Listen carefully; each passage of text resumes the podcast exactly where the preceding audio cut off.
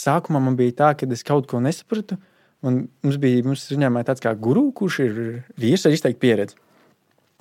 Un ir jautāt, ja kaut ko nesaproti, jautāt līdz izskaidrojumam. Man bija tā, ka šo visu man skaidroja līdz sarkans palika blakus sēdošais. Un viņš tiešām palika sarkans, bet līdz skaidroju, līdz saprotu, jo tas viss patiesībā ir loģiski, vienkārši secība ir loģiskā domāšana dienas beigās.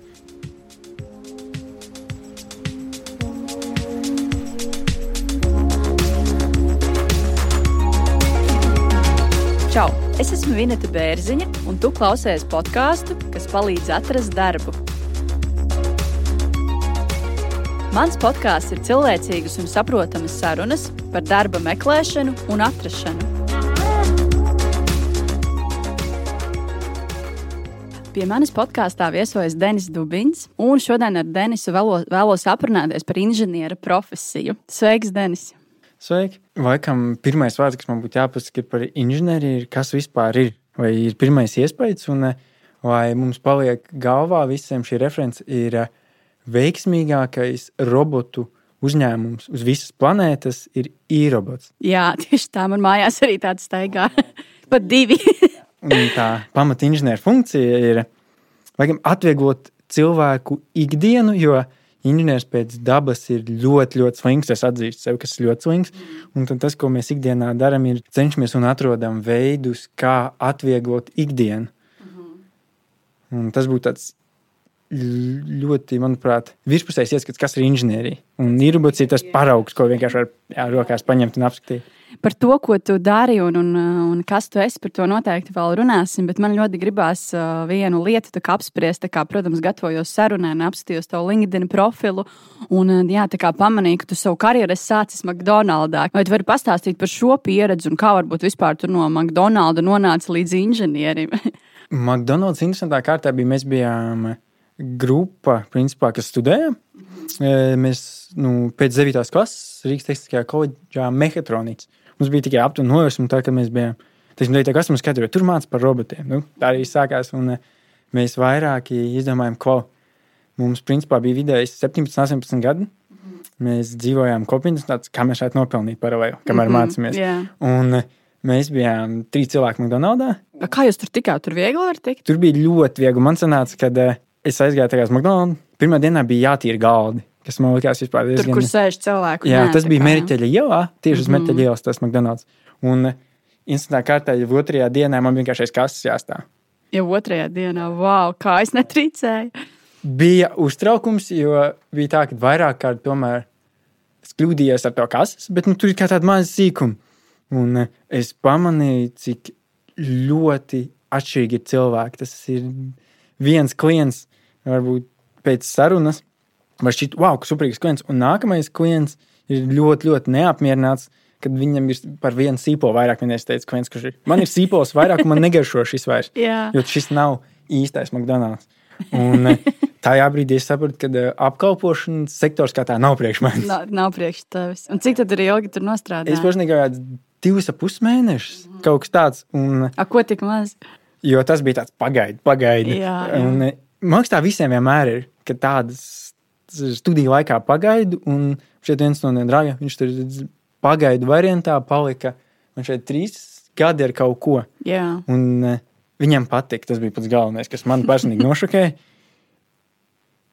Man kaut kā paveicās, ka bija iespēja tādā uzņēmumā, kurš arī šobrīd strādāju, ir uh, praksē tikt Ah, tu praksē tik uzreiz pēc tam McDonald's, vai tu izmācījies, kā tu tur tiki? Man šeit man bija 17, 18, man bija iespēja, ja CH, kur ir ražotne, mm -hmm. pastrādāt, uzreiz bija sācis mācīties par robotiem, man bija iespēja vienkārši paskrūvēt lietas, ko ražo. Kaut kādas tur iekārtiņas, wow, konvejerīt, kaut ko vienkārši paskrūvēt. Un, Tas, kas man nošokēja, bija, cik ļoti tas atšķīrās no tā, ko sākumā mācīja. Bet, pagā, kur tu mācījies? Tad sākumā tā bija koledža, un pēc tam tu aizgāji uz robotiku jau uz augstskolu? Mm, diemžēl nē, nē jo es tā, es, kamēr es mācījos koģās praksē, es biju uzņēmumā, kur viens no pirmajiem patiesiem prakses darbiem, kas man pārsteidza, ka kāds to uzticēja, mums iedeva strādāt. Mēs bijām divi. Rīstabins bija robotu, kurš kustās nedaudz lēnāk kā šūnu mašīna. Knapi izsako, un viņš paņēma ja mums bija jāizdomā, kā paņemt zivtiņu ar to robotu, kura Kas brauc pa konvejeru. Vi- Vienkārši burtiski īsti Mēs zivtiņa, iepirkām makšķerēšanas zivtiņu, tās makšķernieki, jo citādi ļoti slikts armāns būtu visu laiku. Un mūsu uzdevums bija zivtiņas brauc pa konvejeru, izmētātas ar atstumu viena no otras. Mums bija jāizdomā, kā to zivtiņu paņemt un nolikt uz citas, teiksim, konvejera un ielikt kabatiņā iekšā. Kādā kabatiņā? Kā bija, ir tā kā konvejerim lenta, piemēram, kur griežās. Viņam ir daudz kabatiņas, un vienā kabatiņā, piemēram, viena zivtiņa var ielikt. Un mums vienkārši tādu uzdevumu iedeva. Un mēs sēžam kaut kādu brīdi, brīnāmies, un tad mums ļāva, tas, kas man patīkami pārsteidz, ir tas, ka ir ļauts eksperimentēt, jo nevienam nav pareizās atbildes. Un, man liekas, inženieri retā, kur neeksistē tāda pareizā atbilde, vienkārši pamēģināt atrisināt. Un mēs tur 3D printeriem kaut ko mēģinājām, eksperimentējām, un šokējošākais bija tas, ka daļai arī sanāca. Un tad ļoti tā veiksmīgi sanāca robotu integrācija ar studentiem, kas grib paspēlēties ar robotiem. Jo universitātē viņi ir dārgi, teiksim tā. Es biju ļoti patīkami tagad, tā, skatoties atpakaļ, pārsteigts, ka ļauj spēlēties ar ko tādu. Vienkārši droši. Dara, principā, kas viņi dara to, ko jūs, prāt, var izdarīt ar šādu robotu. Un cik ilgi- biji tajā praksē? Tur Man liekas, studiju laikā bija seši mēneši. seši mēneši. Jā. diezgan normāli. Bet vēl paturpinot par to izglītību, tātad Rīgas Tehniskā koledža mehatronika. Un eh, cik gadi? Četri gadi. Jā. jā? Četri gadi pēc 9. klases, un tad es jau parādīju kādu aiciņu. Tad es šeit paņēmu vienu gadu pauzi, strādāju, es biju konstruktors. Un eh, konstruktors ir cilvēks, kurš pēc galvenā inženieru norādījumiem kaut ko uzbūvē. Piemēram, galvenais inženieris atnāk. Viņš pasaka, es gribu vienkāršotā versijā, teiksim, konvertēt. Viņš būs tik pats, tik liels, izmanto šādas iekārtas. Viņš konkrēti uzdevumu pasaka. Un eh, tad konstruktors tas, kurš viņu burtiski 3D vidē uzzīmē pēc norādījumiem un nodod ražošanā. Ražošanā uzražo, un tad, teiksim, viņa atbildība beidzās. 3D vide tas ir tā tāds prototyps. Tā tiek ir izstrādāts? 3D vide, ir ā, programmatūrā. Tā ir Piemēram, programmētājs programmatūra, raksta mhm. kodu, un viņš tikai raksta, teiksim, vārds. ā, Konstruktors atkal uzzīmē to 3D vidē. Viņš tāds grozāms modelīts. Piemēram, būtu forši projekts, mēs visam spēlējam datorspēli, un datorspēlēs, teiksim, ir mašīna, kas te pabrauc garām. Un kāds cilvēks sēdēja un to mašīnu zīmēja, kā viņi izskatīties, visu, visu. Un eh, konstruktors ir tas cilvēks, atkal, kas to mašīnu detalizēti uzzīmē, lai varētu no tās 3D vides viņu pārnest dzīvē, laukā realitātē. Un kur, kur zīmē tas ir kaut kāds autokats? Ir, jā, jā, ir cits? autokats, un mēs personīgi solidūri kā strādājam. -hmm. Ir ļoti daudz šādas programmatūras, kurās to var, un to es gadīju, darīju vairāk kā gadu. Jā, un tad es atkal gribēju augstāku izglītību iegūt. Es no sirds centos, un pēc trīs mēnešiem es nespēju, jo eh, mums sanāk tā, ka koledžā ļoti labs pamatus inženierijā, principā viss, ko universitāte un, manuprāt, arī koledža iziet, ir ielikt pamatus, izpratni, Bet tu trīs mēnešus centies kā un uh, mācīties. universitātē vai es- mācīties? mācīties un es mm -hmm. nespēju dēļ tā, ka šis pamats ir ielikts. Mm -hmm. Un nu jau ir ā, kopš beidz mācīties, liekas, četri gadi gan pagājuši. Un va, es gribētu domāt, ka ir ā, tas, ar ko es ikdienā strādāju. Tas ir tas, ko universitātes cenšas panākt, lai katrs students darītu. Ir būvēta advancētas robotu sistēmas un automatizētas līnijas un ielikt tos pamatus. Un man sanāca, ka veiksmīgi viņas ielikt. Un tā arī patiesībā nav. Es esmu meklējis joprojām kaut ko, nu jau studijā mākslinieckā kaut ko dzīvē. Jo, ja tavuprāt ir kaut kas, ko tev pašam gribās domāt, ka tu saproti, un visu, ko papildus, piemēram, es mācos, tagad tālāk ir tāda ūdeni, varbūt es dzirdēju, kur online Jā, mācās. jā, ir Un, dzirdēts, eh, jā. Es Online nopirku par eh, raķešu zinātnē, raķešu pamatiem, kur izskaidro visu, kā raķetes darbojās. Un eh, es to sāku mums kaut kādā, pusgadu atpakaļ mācīties to kursu, un es sapratu, ka man nācās atgriezties uz 9. klasi un matemātikai iet pār no jauna. Jo interesanti ir tas pieņēmums, ka mums, ja inženieri kā tā ir matemātika, kad mēs sēžam matemātikā rēķina, un tas ir, manuprāt, absolūts stereotips, jo tā nav. Es tieši gribēju prasīt, kādas tev atzīmes bija, piemēram, matemātikā 9. klasē. Es atzīšos, arī koģais sēdienas norakstīju bieži vien. Vai Es teiktu, ka es biju vidēji uz septiņi, seši, bet es arī ļoti daudz norakstīju. Tā kā Mēs bijām principā, tikai puikas, kas mācījās, un mēs savā starpā mums nebija izteikti kaulēšanās. Bija iedot norakstīt, un tas, kurš pabeidza, dalījās ar savu veikumu. Un matemātika ir ļoti vienkāršotā līmenī, jo nu jau tehnoloģijas pagājuši tik tālu uz priekšu, kad eh, ir eh, vārds ir teorētiskā mehānika, kur rēķina visādas slodzes. Un uh, universitātē, koledžā ieliek pamatu, kas tas ir. Bet nu, jau ir pienācis laiks, ka tu tikai datorā zīmējumā parādi punktiņus un ieraksti, kad teiksim, mums ir galds, šeit mēs esam pie galda. Un uz galda tu programmā pasaki, ka mēs uzlikām 10 vai 100 kg. Un pati programma izrēķina, kas ar galdu notiks. Tā visa matemātika notiek iekšā programmas. Dienas beigās sanāk, ka es neko nerēķinu. Un kādreiz atkal tam es absolūti piekrītu, un es vienmēr šokējos un pārsteigts par to, ka cilvēki to rēķināja. Un vai tu izreikinātu, ir desmitiem A4 lapas, ja ne vairāk ar aprēķiniem, kuri man arī koģāk mums mācīja, man biedēja, tas ir tiešām advancēti. Un vienīgais, manuprāt, kur to mūsdienās izteikti pielieto cilvēki paši, ir raķešu izstrādē. Sanāk, vidē, kas ir ļoti agresīvi un matemātiski jāprēķina augsti. Piemēram, kā visizteiktākais raķešu zinātne, kur tur ir kosmosa vēl, jo visu vēl domā no jauna. Laikam tas pirmais iespējas ir, kad, kāpēc tas ir grūti to darīt, ir, kad visi sāk raķešu būvēšanu vai Teslām, piemēram, kas ir paraugs. Un tā nav, jo lielākā daļa no industrijas patiesībā balstās uz pro, jebkāda veida produktu izstrādi, kas, piemēram, ir krūze, ir šķīvis, ir veiklā vispār, ko mēs nopērkam. Un tā ir liela daļa no, no manas ikdienas, ir robotu projekti, kurā tiek aizvietotas vienkāršas funkcijas. Piemērs mums bija viens no projektiem, bija Avus rūpnīca. Un Avus rūpnīcā ir divi cilvēki, kuri visu dienu mēs esam redzējuši tās zaļās kastes veikalos, kur avus iekšā ir. Viņi viņas krāmē nost no, no pavads un uz pavads visu dienu. Un tas, kā tā automātika, kā saka, atņem darbus, ir šos darbus sāk intensīvi aizvietot, jo es nestādos priekšā tagad nosaukt kādu cilvēku, kurš ar prieku visu dienu ko tādu būtu spējīgs darīt. Kraut kastes tā kā, jā. Jā, visu dienu, piemēram. Bet pastāsti varbūt par to, kur, kur, kas tu esi un ko tu šobrīd dari. Un. Man liekas, pēc amata skaitos mehatroniķis, un vecāku mehatroniķu man nācās ierakstīt, vai es varētu mēģināt Teslā tikt. Tas ir tāds maziņš triks, ko es mēģināju izspēlēt, un jāgaida atbildes. Bet eh, es pats esmu vadošais mehatroniķis. Izklausās ļoti atbildīgs un interesants darbs, bet varbūt pastāst par tām prasmēm, kas tad ir jāzina inženieriem. Vai jāmāk programmēt, piemēram? Es varētu godīgi atzīt, ka eh, neteiktu, ka es ļoti labi protu zīmēt. Es esmu apvienojis tādā, parasti ir tā, ka eh, kas ir mehānisms? Mehānisms ir apvienojums trim profesijām. Ir eh, programmētājs, mehāniķis un elektriķis. Iekšā viena cilvēka. Mm -hmm. Ikdienā tas tā nevar strādāt. Parasti viens cilvēks nosveicās uz vienu. Piemēram, viņam ir aptuveni nojausma par visu pārējo, un viņš ir vai nu elektriķis sirdī, vai mehāniķis. Un es esmu, manuprāt, veiksmīgā kārtā apvienojis visus trīs. Bet tas nenozīmē, ka es esmu ļoti labs vienā konkrētā.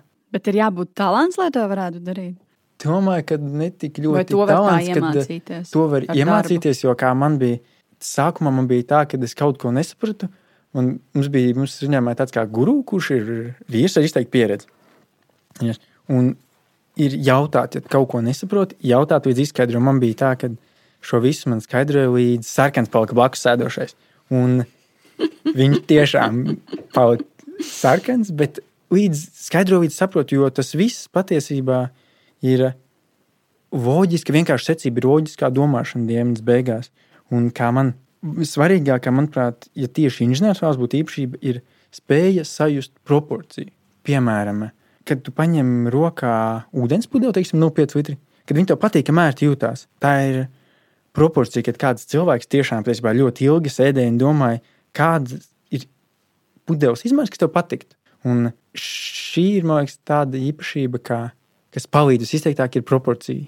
Tiksim, projekti, pie kā es strādāju, katrs unikāls un viņi nekad viņas neatkārtoja. Tu nevari paredzēt katru situāciju, piemēram, katru iekārtu, kā viņai būtu jābūt vai kā viņai jāizskatās. Un ir divi varianti.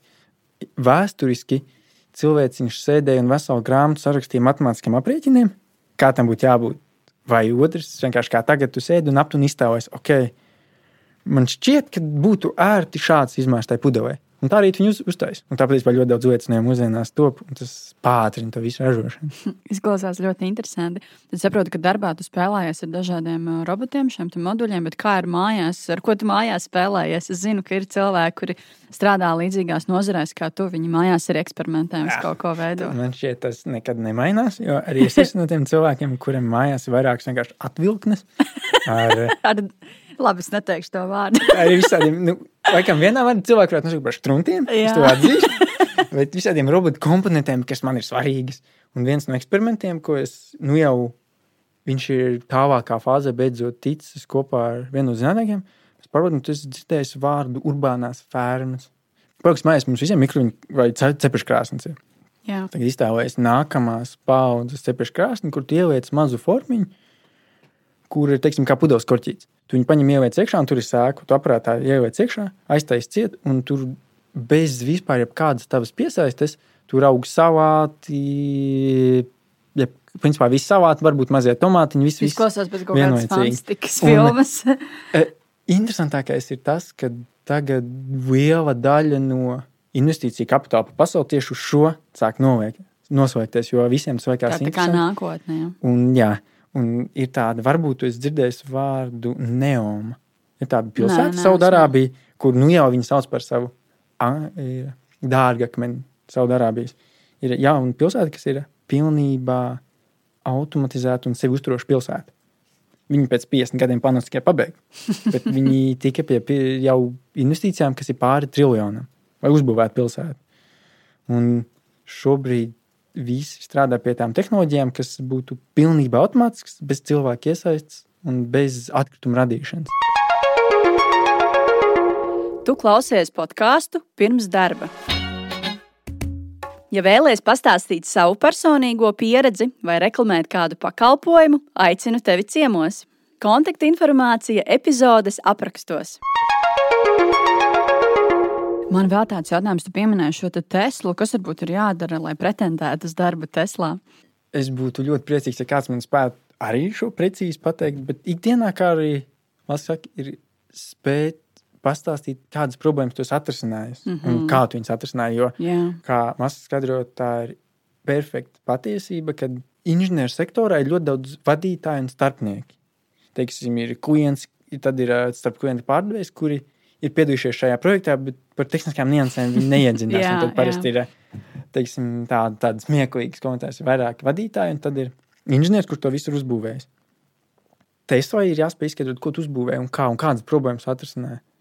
Un atkal nākamā īpašība, ko Jordans Petersons ļoti ideāli saka, nu jau es absolūti piekrītu, ir, ja tu darba vietā, kurā tu strādā, strādā 10% teiksim, ar 10% vairāk atdevi, kā ikdienā strādātu, tad tas iegūms, ko tu saņem pretī, ilgtermiņā ir nesvedzami lielāks. Piemēram, ja mēs paņemtu, teiksim, tu strādā darbiņā, vienalga, kādā tu strādā, pūkstens, teiksim, ir 5, tu beidzās darbs, un visi, ja vadība vienalga, kas būtu ļoti priecīgi, ja tu kaut kādu atskaitu vai dokumentu vai vienalga, ko sagatavotu, un nosūtītu arī pēc tiem pieciem, tas ļoti svarīgi.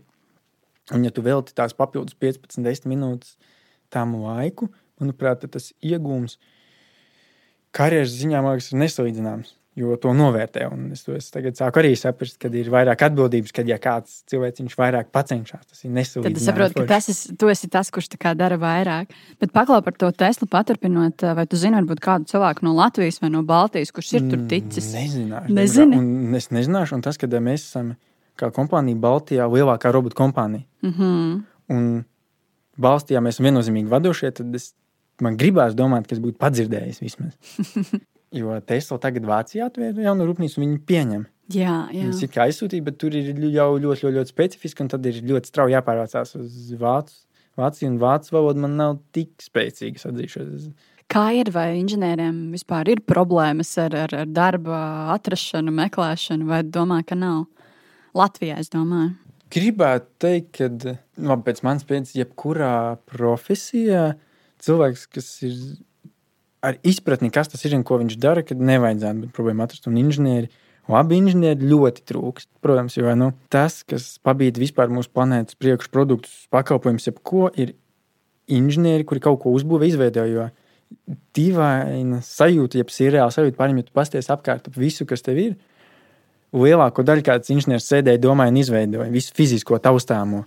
Bet tām, kam es absolūti piekritīšu, ir ļoti reta kombinācija. Ir inženieris un ekstraverts, kas nāk brīvi runājās sarunas brīvprātīgi. Tas ir tāds pats iespējas kā programmētājiem. Visi ir introverti, kad savā nodabā kaut ko dara, un tā bieži vien ir taisnība. Tu, tu nevari nolikt stereotipiem, bieži vien ir. Nu jā, stereotipos bieži vien ir gan nu, kaut kāda daļa taisnības. Jā.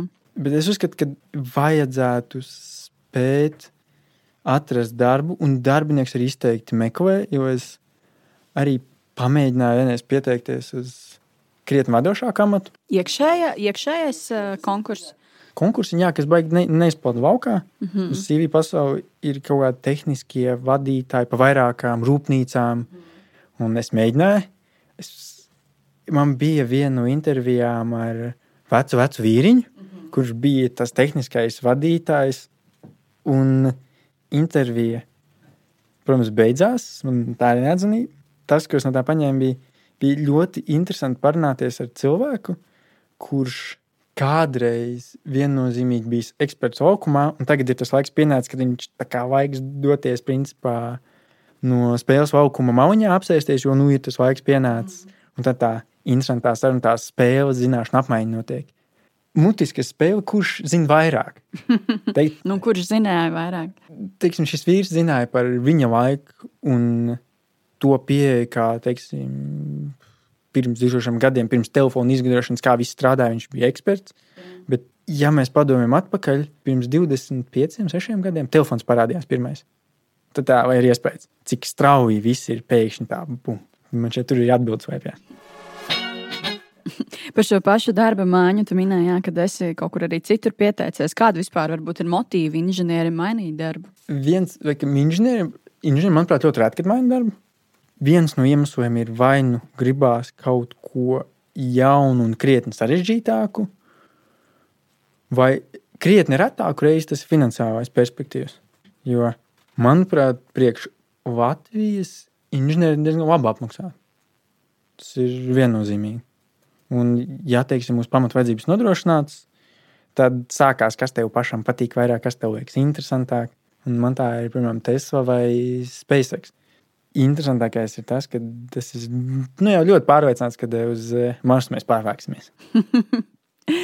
Saki, lūdzu, kāpēc cilvēki vispār baidās šajā jomā mācīties, strādāt, kāda ir mīte par šo profesiju? Nu, kā mēs iepriekš runājām, lielākais mīts bija matemātika. matemātika tas jā. ir absolūti. Tas arī mīts. bija mans arī jautājums. Matemātika jābūt, ja tu vēlies būt teorētiskais matemātiķis vai fiziķis, tev, protams, jāsaprot pazināt matemātiku, jo pamata inženierijā, kur mēs mašīnas redzam, vai teiksim, uz kafijas aparātu. Tur netiek veikts nekādā mērā, teiksim, matricas neviens nerēķina. Kas nav vienkārši cilvēki, kas sēdējuši un domājuši, kā panākt, vai no šīm pupiņām kafija radās. Tas arī viss. Un bieži vien tā ir tā doma, ka vienam pašam tev pēkšņi apgāž kalni. Tas man liekas, viens no tādiem stereotipiem, ka Jā. tev iedod mega projektu un jātiek galā, un tā nav, jo parasti tās ir komandas Komanda, cilvēkiem, kas strādā. Mm -hmm cilvēku iespējas, ka tas ir sarežģīti, sarežģīti ļoti grūti, tev ļoti daudz jāzina. Bet Ilgi pat, jāmācās, jā, sarežģīti. Jā. Un eh, patiesībā ir, ja paņem, teiksim, telefonu un izstāvēs, viņš liekas ļoti sarežģīts, un neviens no mums pēkšņi mājās nespēja uzbūvēt telefonu. Un, ja tu pāri atpakaļ un padomā, ka pāri 20, no 30, jā, paredzēt būt ap 30 gadiem, šis produkts ir attīstījies, cilvēki vienkārši strādājuši pie tā, tieši tāpēc mums tas viss liekas tik sarežģīts. Jo ir dekādiem cilvēki pie tā strādājuši, bet katrai niansei, piemēram, ir teiksim, viens cilvēks, tas inženieris, tavs darbs, teiksim, ja tu strādā Apple, ir ieslēgšanas podziņa, ekrāna izslēgšanas. Un, mēs tu tagad, kaut vai, ja, ja piemēram, tu to padarītu, ja tu mēnesi tu būtu atļauts domāt podziņu. tu izdomātu viennozīmīgi, tu izdomātu, kā viņu nospiest, nu, iespiest, pielikt. Un tas iespējas laikam ir tiešām, kad pēkšņi iedod milzīgus apjomus. Jo mums, piemēram, bija izvērtēšanas process, kā inženieris izvērtēja, kas man nošokēja. Mēs visi zinām, ka aiz tās durvīm eņģis, ka mēs atveram durvis vaļā. Un mums e, uzņēmumā, lai izvērtētu kandidātu, tika kādreiz lietot šādu sistēmu. Mēs paņemam eņģis, divas, vienu otru, un pa vidu jāieliek tapiņa. tagad tiek pateikts uh, potenciālam darbiniekam, kādu šo risināt. Lūdzu, nāc pie mums ar risinājumu. Mm -hmm. Un ņem vērā, ka dienas beigās uzņēmums nenopelnīs ar šo naudu, tad šim projektam nebija jēga. Mm -hmm. Tas ir viss, kas to darbina. Un, uh, mums bieži vien bija tā, ka studenti atnāk ar avansētu robotu risinājumu, teiksim, kas dur vienģīti. Vien, wow. Vienkārši vienu enģīti, viņš izdomājis, kā roboti visu saliks izdarīs. Tas ir kā mājas darbs? Jā, tas ir īsti. Cik ilgu laiku dot tādam? Patiesībā parasti ir no paša studenta cik viņi, viņš ātri izdomās. Un interesantā kārtā es šokēts par to, ka daļa nekad neatbild, jo liekas, tas sarežģīts uzdevums, bet tā atklāts, ja mēs esam divas eņģītes un tapiņi. Un, nu, tad nākamā ir, kad cilvēki aizmirst, ir, viņi izdomā neaprakstām labu, teiksim, kur roboti paņem pašu eņģīti, saliek to, ka klients tagad nekad dzīvē nemaksās tur, teiksim, 300 tūkstošus, vai saliktu vienu eņģīti. Nu, protams. Laikam tas ir tas, kad, kā definē, manuprāt, labi inženieri. Tad atkal jautājums ir, ir ja tu spēj iedomāties, kā kaut ko uzbūvēt, un to, cik idejas klients būtu vispār gatavs par to maksāt, un kāds ir iegūms no tā, tad es domāju, ka nevajadzētu vispār būt problēmām nekādā mērā. Tā varētu būt. Gribu parunāt par taviem kolēģiem. Mums arī bija tāda neliela telefona saruna pirms intervijas. Tu minēji, ka pārsvarā visi to kolēģi ir vīrieši. Kāpēc, tavuprāt, ir tik maz sievietes inženieris Latvijā? beidzot es patiesībā iezinājos tajā. Un ir šāda grāmata, Female Brain, angļu valodā saucās, kur tiek pētītas burtiskā vārda nozīmē smadzenes katrā attīstības posmā, un tiek veikts eksperiments ar tūkstošiem bērnu, kur tiek pierādīts, ka vīrieši ir interesētāki lietās, būtiski lietās, kas ir taustāmas tam līdzīgi, un sievietes ir vairāk uz emocijām un savstarpēju komunikāciju. Burtiskā nozīmē komunikāciju ar cilvēkiem. Jo eksperiments ir šāds. Ienāk mamma ar, teiksim, sākumā, teiksim, meitenīti. Tā tukšā telpā, telpai pa vidu ir rotaļlieta. Mhm. Un tagad mamma paskatās bērnu acīs un pasaka, lūdzu, neņem šo rotaļlietu.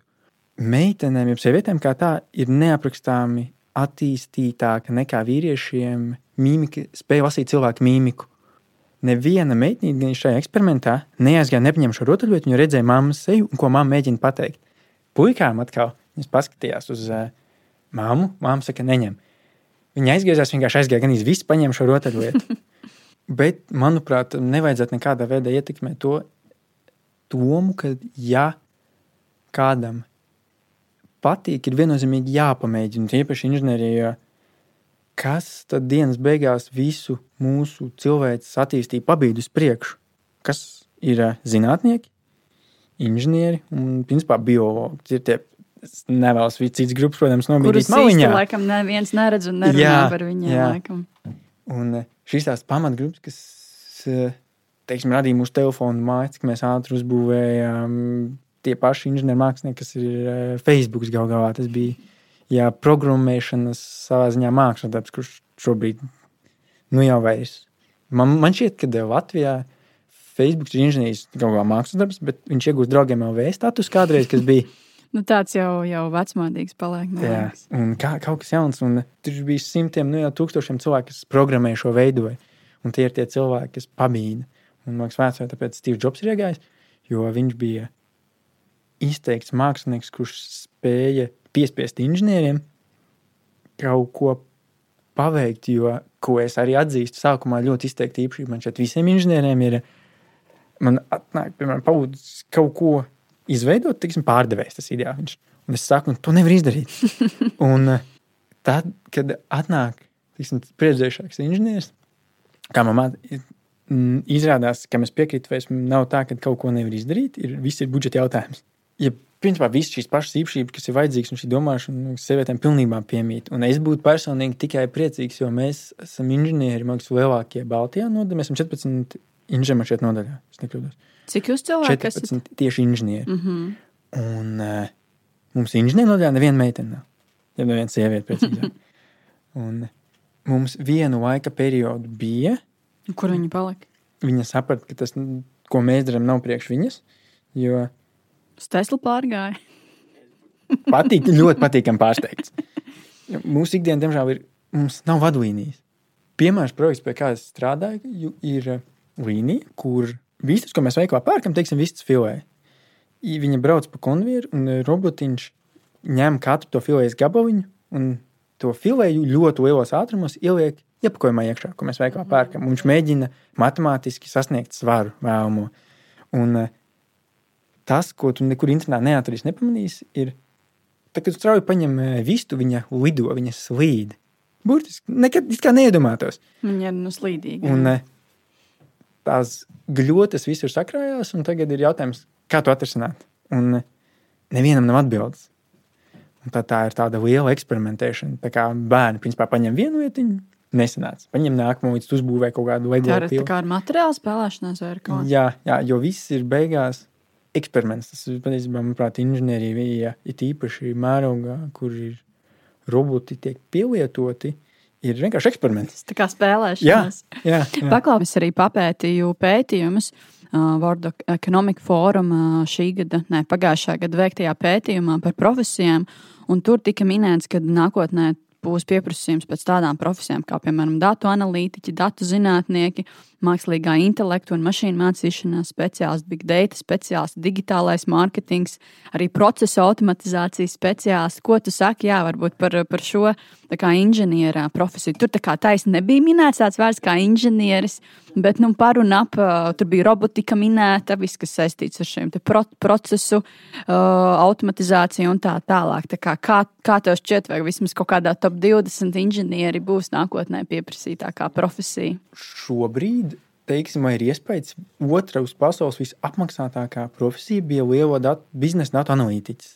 Un kas bija pirmā? Uzņēmuma vadītāji. Mm. Tas ir no, da, no augotajiem darbiem, mm. -hmm. kur tu kādā amatā ieņem. Jo ļoti interesanti, kas ir milzīga eksplozija šobrīd, arī notiks ar vien vairāk ir datu analītiķos. Ir, teiksim, mēs esam tagad uh, Apple valde. Mēs sēžam, un miljoniem cilvēki atstāja tagad visādus vērtējumus par mūsu izgudroto telefonu. Kā tagad saprast, pēc teiksim, 5 miljonu cilvēku ir pateikuši kādā aptaujas anketā, kas viņiem patīk, kas viņiem nepatīk. Un kurās valstīs cilvēki viņus pērk par šādu summu vai par šādu summu. Ja te, piemēram, mums ar tevi tagad, kā uzņēmuma valdē būtu jāiet un jāizbrauc šiem datiem cauri, mēs nekad neko citu gadiem nepadarītu. Un atnāk tagad liela datu analītiķis, un viņš pasaka, šajā tirgu šī cena ir visoptimālākā, un cilvēki pērk šo produktu. Sanāk, šis cilvēks, piemēram, datu analītiķis, ir visvērtīgākais visā uzņēmumā, jo viņš spēja pateikt, vienīgais, kurš spēja pateikt biznesa virzienu. Eh, Kas notiek šobrīd, ir Amerikā eksplozija ļoti labi, un pandēmija to ļoti forši pierādīja. Ir eh, eksplozija, un arī es biju Rīgā koma Konferences. kur arī Mhm. gāja pāri datiem, sapratu, ka mums ļoti patīk iepirkties internetā. Ja tagad cilvēks, iedomājies, mums pēc produktiem par imību burtiski staigā un liek mums maisiņā, ko mēs pasūtām. Amerikā ir kompānijas, kas jau to automatizējuši, ir lielas, noliktavu, robotizētas rūpnīcas. Mums Latvijā vēl laikam nekā tāda nav. Ja? Par to ļoti plāno tas notiek. Un diezgan aktīvi, es gribētu teikt, kad Tad, mēģina izveidot. visnotaļ, Jo tas nākotnē būs tāds pa, pa, nu, tā kā, teiksim, tā ļoti populārāk. Vismaz es zinu, ka ārzemēs re, kur ir. Bet nu, Latvijā, man liekas, vēl tā lēnā garā viss tas Nu, ka- vai tev ir piemēram iespējas, jo ļoti maz cilvēki, lielākā daļa no Latvijas tehnoloģijas ir eksports. Vai tev ir iespējas Latvijā, piemēram, kur strādā, ir tapis tāds eh, produkts, kur, man liekas, kompānija ja pareizi saucās RoboEats Latvijā. Viņi ir mums pie Zemitāna tilta. Ja zem neesmu tilta ir e, tāda ēstuve, kur robots pagatavo tavu maltīti. Var nozīmē, robots visu samaisa, samiksē. Un tas bija kādreiz Loki Tokio, viņš saucās pareizi, es atceros. Neesmu. Uh, Nūdeņu zupas visādi, nodojumi jā. saistīts. Un uh, tu vari burtiski redzēt, aiz skatu, kā robots pagatavo to.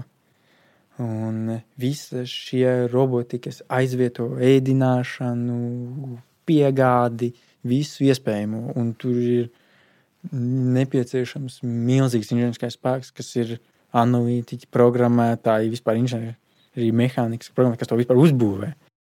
Man ir sajūta, ka mēs stundām varētu runāt par robotiem un visu šo. Tas liekas tik interesanti, bet savā ziņā arī man netipiski, jo es ikdienā vispār par to neaizdomājos. Kā varbūt, nezinu, tā pati vista nonāk veikala plauktā no ražošanas. Tā kā liels paldies tev par šo sarunu. Super, paldies! Un tev. uh, varbūt vēl kaut kad tiekamies, tad uh, parunāsim jā, par Teslu un citām tēmām. Super ideja! Paldies! Jā. Paldies! Tev. Tu noklausījies podkāstu, kas palīdz atrast darbu. Lai dzirdētu visas intervijas, seko pirms darba visās podkāstu aplikācijās, arī Facebook, Instagram un YouTube. Iesaki tēmu, nāc uz interviju vai reklamē savu uzņēmumu podkāstā. Kontaktus atradīsi epizodes aprakstos un manā LinkedIn. Uz sadzirdēšanos!